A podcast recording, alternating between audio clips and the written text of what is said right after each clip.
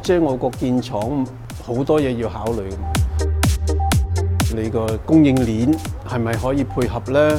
你人才得唔得咧？咁同埋你有冇 connection 呢？即系可能会令到你决定喺边一个地方。我哋有去到睇新加坡啊、马来西亚、菲律宾啊，拉尾决定咗都系拣泰国咯。而家睇落去又系一个几好嘅决定啦。美雅系国际厨具品牌，一九五一年喺香港成立。起初制造铝质锅具，经过几十年发展，逐步成为一家多元化厨具集团。产品由研发、设计、生产，直到品牌销售，都系自家经营一手包办。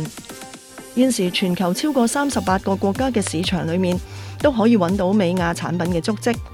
由生产商发展至国际品牌，再进军环球市场，美亚嘅蜕变动力，建基于创办人嘅一个信念。緊貼市場趨勢，等於掌握公司未來。咁如果因纯純粹做製造，淨係做 OEM 啊，做埋一啲 Me Too 嘅產品咧，就長遠嚟講比較上難去競爭咯。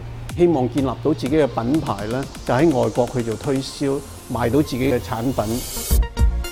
七十年代尾咧，已經走出香港，就喺英國成立咗個推銷公司，跟住就係美國啊，然後澳洲啊，好多唔同嘅地方咧。都去建立我哋自己个推销公司。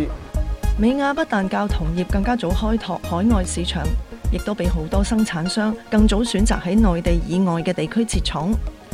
早喺上世纪八十年代，佢已经投资泰国设生产线。我哋初头去开厂，有派咗差唔多三十个香港嘅员工去泰国。初頭我哋又嘗試教下佢哋泰文啊，當然文化又唔同啦。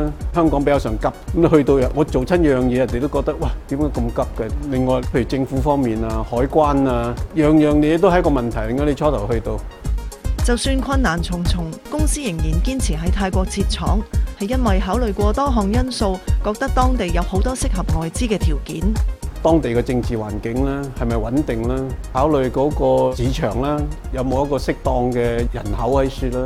亦都考慮文化背景、宗教，譬如有冇華華啊，或者宗教上有冇 discrimination 啊？另外一個最重要嘅就係當年咧，就考慮到嗰個 duty，因為我哋嘅主要市場去美國咧，有冇 GSP 嗰個 preference 喺處？呢個 in a way 係一個幾決定性嘅因素咯。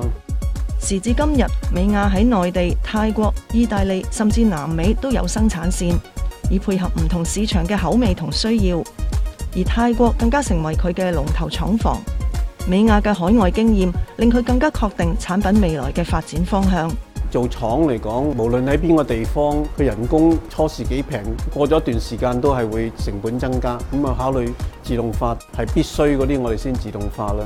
要有一個好嘅團隊啦，你要培養人才啦。你唔可以將香港一套就咁咁硬搬咗落去外國，一定要適合當地，了解當地嘅法規啊，當地人嘅諗法啊，推銷公司，咁你一定要當地先得，因為你當地嘅人。講當地嘅語言，你先至可以賣到嘢俾人哋。即係如果你話揾一個香港，就算你英文幾叻嘅，你去賣嘢咧，都未必及一個當地嘅人去了解一個情況、了解一個市場，同埋佢講佢個 language 咧，對佢嘅推銷係好大幫助。